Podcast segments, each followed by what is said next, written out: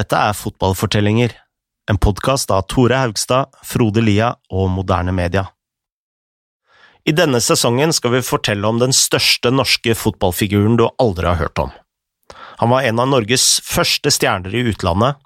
Karrieren hans går gjennom tysk fotball på 20-tallet, det legendariske bronselaget på 30-tallet og Nazi-Tyskland på 40-tallet.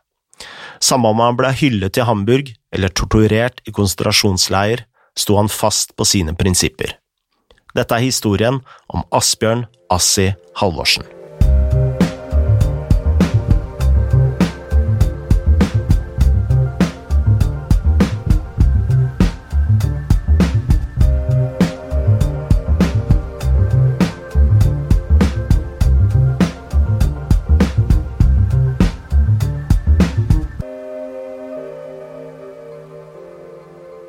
Asbjørn Halvorsen ble født i Sarpsborg 1898. Han var en av de syv barna til Christian Halvorsen, en bakemester som eide landets største konditori. Asbjørn koste seg sikkert med både boller og søtsaker i familiebedriften, men det var fotball som skulle bli hans store lidenskap. Ja. Tidlig på 1900-tallet var Sarpsborg et av Norges beste lag. Eh, de vant cupfinalen i 1906 og 1907, og ti år senere begynte Assi på A-laget. Det er jo vanskelig for oss å vurdere hvor god Halvorsen eh, var som ung fotballspiller, men det er jo liten tvil om at det var lederegenskapen hans som eh, gjorde han unik den, den første tiden. Han ble blant annet kaptein omtrent idet han kom inn på A-laget til Sarpsborg. Samme år som han begynte på laget, kom Sarpsborg til cupfinalen igjen. Der slo de Brann 4-1 og ble norgesmestere for første gang. Assi var kun 18 år i den kampen, og er da fortsatt tidenes yngste kaptein i en norsk cupfinale.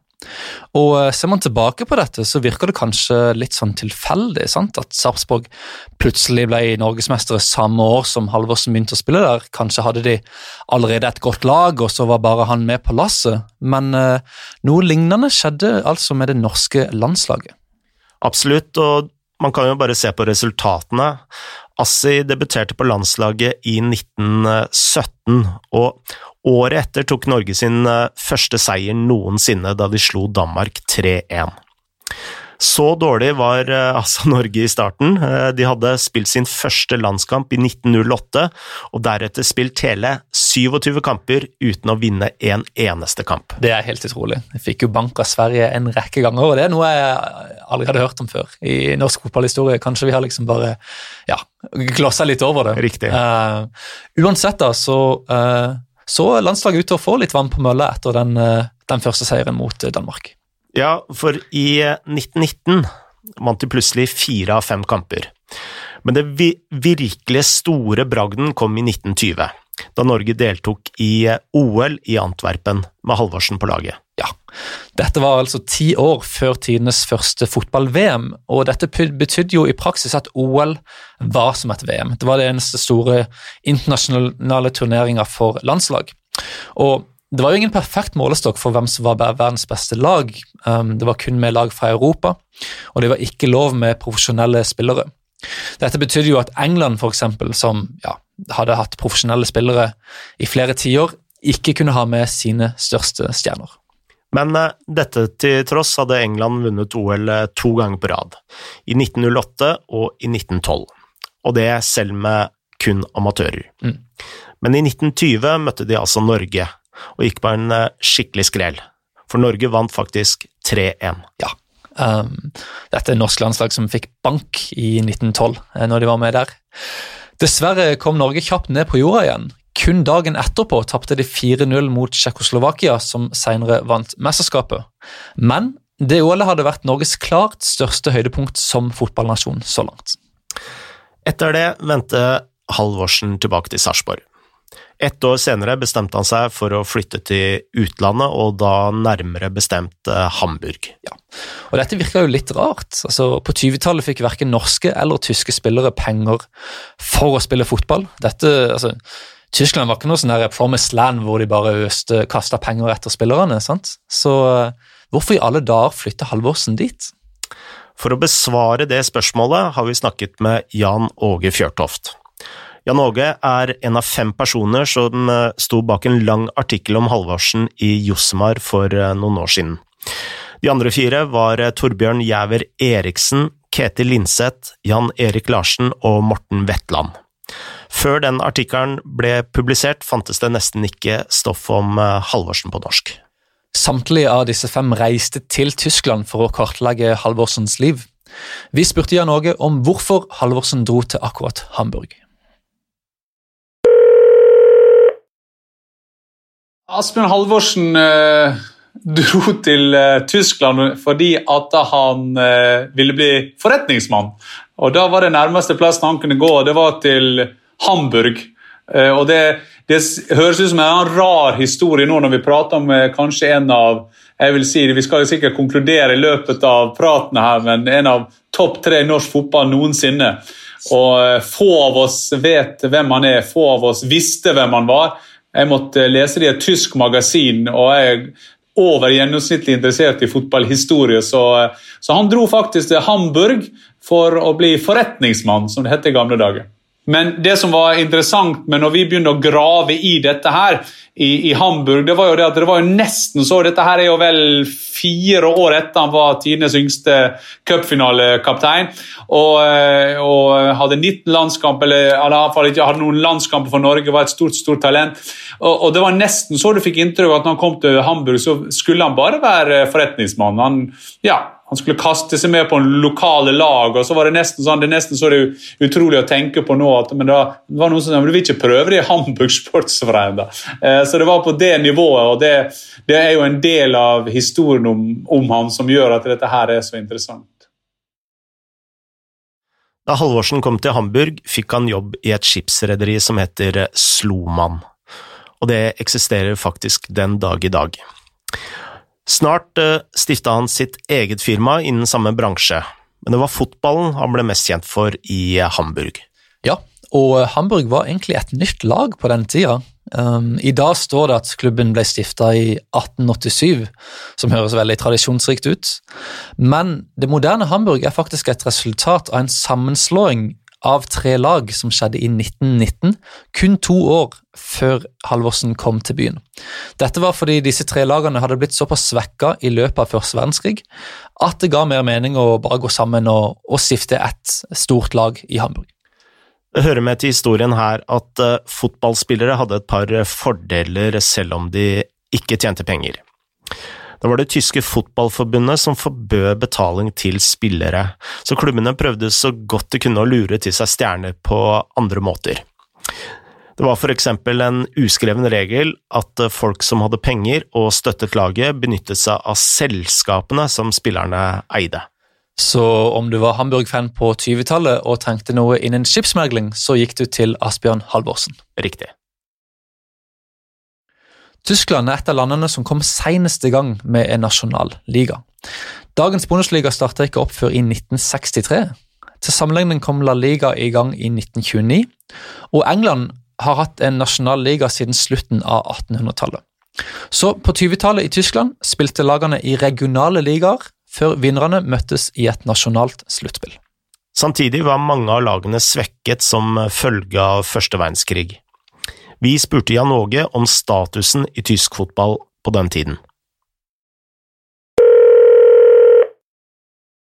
Fotballen slik vi kjenner det i Tyskland i dag, med den lidenskapen de har, den var også til stede på 20-tallet. Dette her var en, uh, dette nå skal jo man inn i, dette er jo mellomkrigstiden, dette er jo et nederlag i første verdenskrig, dette er veldig turbulente tider i Tyskland. Uh, og Jeg er jo en av de, og det er sikkert du også, Frode, som står opp og tenker at sport kan forandre verden. Sport, sport og politikk og alt hører sammen, for sport er så stort. Så, så var dette på 20-tallet svært, svært viktig viktig, og det var viktig å ha det beste fotballaget, det var viktig å ha de beste spillerne. og det var viktig å, og Jeg vet ikke hva de kalte det engang når de vant. De var tyske mestere, de var ikke Bundesliga-mestere, men de var tyske mestere, som, som Hamburg da ble. Så med Sarpsborg og landslaget nådde Halvorsen nye høyder kun ett år etter at han hadde begynt i sin nye klubb. I 1922 kom Hamburg til sin første cupfinale. Motstanderen var Nürnberg. Etter full tid sto resultatet på 2-2 i den finalen. Men uh, det var ingen regler for antallet ekstraomganger som de skulle spille. Om det var likt etter 90 minutter, så spilte lagene bare videre til noen skårte. Så Hamburg og Nürnberg de fortsatte utover dagen og ettermiddagen og kvelden og natta, helt til sola gikk ned og det var så mørkt at ingen av spillerne kunne se ballen. En kamprapport eh, sa følgende. Spillerne klarte så vidt å stå på beina og nærmet seg total kollaps. Ingen av de hadde krefter igjen til å fyre av så mye som et skudd, men ingen var villig til å gi opp heller. Kampen ble avblåst etter tre timer og ni minutter. Omkampen ble holdt i Leipzig foran 60 000 tilskuere. Og også der skjedde det mye rart. Um, I første omgang så uh, tok Nürnbergs Willy Boss og sparka til en motspiller mens han lå nede på bakken. Boss ble utvist og senere suspendert i seks måneder. Og uh, selv uh, om Nürnberg da hadde ti mann, så sto det 1-1 etter fulltid. I ekstraomgangene fikk Nürnberg en spiller skadet og en ny utvisning. Det fantes ikke innbyttere på den tiden, så de hadde nå åtte spillere igjen. Da lagene skulle bytte side, kollapset en av Nürnberg-spillerne. De hadde nå syv spillere på banen, som var mindre enn det som var påbudt i en kamp. Det tvang dommeren til å blåse av kampen. Deretter fulgte flere måneder med krangling om hva som skulle skje med trofeet. Nürnberg ville ha omkamp, men Hamburg mente at det var Nürnbergs feil at de hadde gått ned til syv mann med alle disse skadene og disse pinglete spillerne og disse røde kortene. Den siste kampen hadde vært i august. En endelig avgjørelse om trofeet kom ikke før i november. Nei, for da bestemte Fotballforbundet seg for at uh, Hamburg var mestere. Men uh, Hamburg sa nei til tittelen. Så for uh, året 1922 finnes det fortsatt ingen tysk mester. Hamburg sa senere at eh, de hadde blitt tvunget av forbundet til å takke nei, men eh, her er eh, sannheten vanskelig å finne. Uansett slo Hamburg tilbake umiddelbart.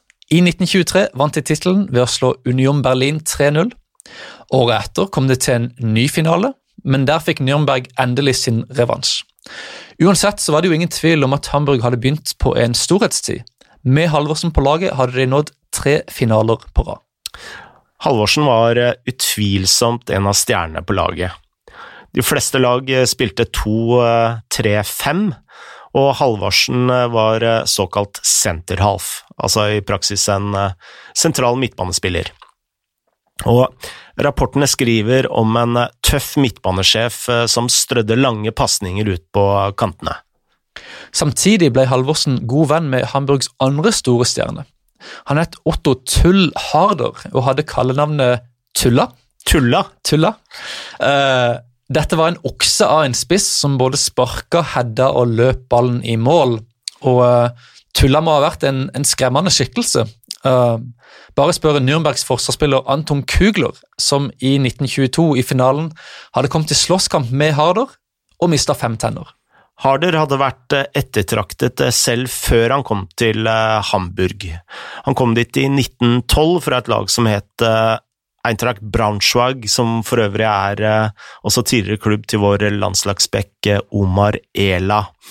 Og han kom dit i stor grad fordi Hamburg hjalp ham med å sette opp et lønnsomt forsikringsselskap i byen. Og da Harder skulle ta toget til Hamburg, møtte en gruppe Braunschweig-fans opp på perrongen og prøvde å stoppe ham fra å gå om bord. Gjennom hele 20-tallet utgjorde Harder og Halvorsen et radarpar. Jan Åge Fjørtoft fortalte oss om statusen Halvorsen hadde i Hamburg. Vi prøvde også å finne ut hva slags type fotballspiller var Asbjørn Halvorsen. Du får sånn inntrykk av at han var så mye. Eh, vi, vi fikk jo senere eh, spillere i Norge også med, med, med, med Juve og Kvammen og sånn. Så det, det, er ikke så lett å si hvilken type de var. Det var lettere med Tippen, han kan jo bare sette i mål. Men, men, men, men, han blir jo da en av de store stjernene på dette Hamburger Sportsfrein-laget. Men blir jo da mester i i 23, og på 20-tallet blir han altså æresmedlem mens han spiller. Det sier jo noe om eh, den statusen han hadde i byen. I 1928 kom Hamburg til en ny cupfinale. Den gangen vant de 5-2 over Hertha Berlin, og en av kampens store spillere var Halvorsen. En avis skrev følgende Med én var det som strålte gjennom motstanderne forsøk på mørklegging. Halvorsen. Nordmannen. Den evige, kraftige saklighet. Hamburgs motor på høyeste turtall. Han som førte kommandoen og ga retningene i alle situasjoner. Slagets feltsmarsjalk. uh, poetisk. Det var så, sånn det står skrevet. Ja, ja, ja. Og jeg må jo si dette språket Det, altså det, det stråler jo av 1920-tallet, men også av Tyskland. Ja. um, det er jo mange land som liksom ser for seg fotballen som noe artistisk, sant? men uh, vi kan egentlig beskylde Tyskland for å, for å gjøre det på denne tida. Nei, for her er eh, krigsmetaforene fremtredende. Ja. det fantes også en spillerbørs fra den kampen som sa følgende om Halvorsen. Sterk midtpunktet i laget. Sjonglerte ballen i trange situasjoner og sentra i rette øyeblikk med stor klokskap. Uovertreffelig god. Men da 30-tallet kom, begynte Halvorsen å ane at de gode tidene var eh, over. Nazipartiet fikk eh, stadig mer makt, og dette spredte seg også til eh, fotballen. Spillerne reagerte selvsagt på ulik vis, og Harder ga seg Hamburg i 1931 og meldte seg inn i nazipartiet. Halvorsen sa takk for seg to år senere og dro tilbake til Norge. Samme år tok nazistene kontroll over Tyskland. Halvorsen hadde da spilt for Hamburg i tolv år. Sportsavisen Fotballwoche skrev at Halvorsen vil bli stående i historien. Denne harde, men rettferdige mannen. Denne strålende sportsmannen vil verken Hamburg, Nord-Tyskland eller resten av landet noen gang glemme. Da Halvorsen skulle ta toget fra Hamburg for siste gang, møtte Hamburg-fansen opp på perrongen og sang. En av dem var Tulla, som ga ham en gave. Det var ballen fra avskjedskampen til Halvorsen. Ja, for litt før det hadde Hamburg spilt en siste kamp for å markere Halvorsens avskjed. Der slo de laget Sverin 14-0, og Halvorsen fikk lov til å ta et straffespark, sånn at han kunne havne på skåringslista i sin siste kamp. Etter kampen ble det holdt en seremoni for å hylle det han hadde oppnådd med laget. Det finnes et bilde fra denne seremonien. I bildet står nesten hele Hamburg-laget med armen hevet i en Hitler-hilsen. Den eneste som står med armene langs kroppen, er Asbjørn Halvorsen.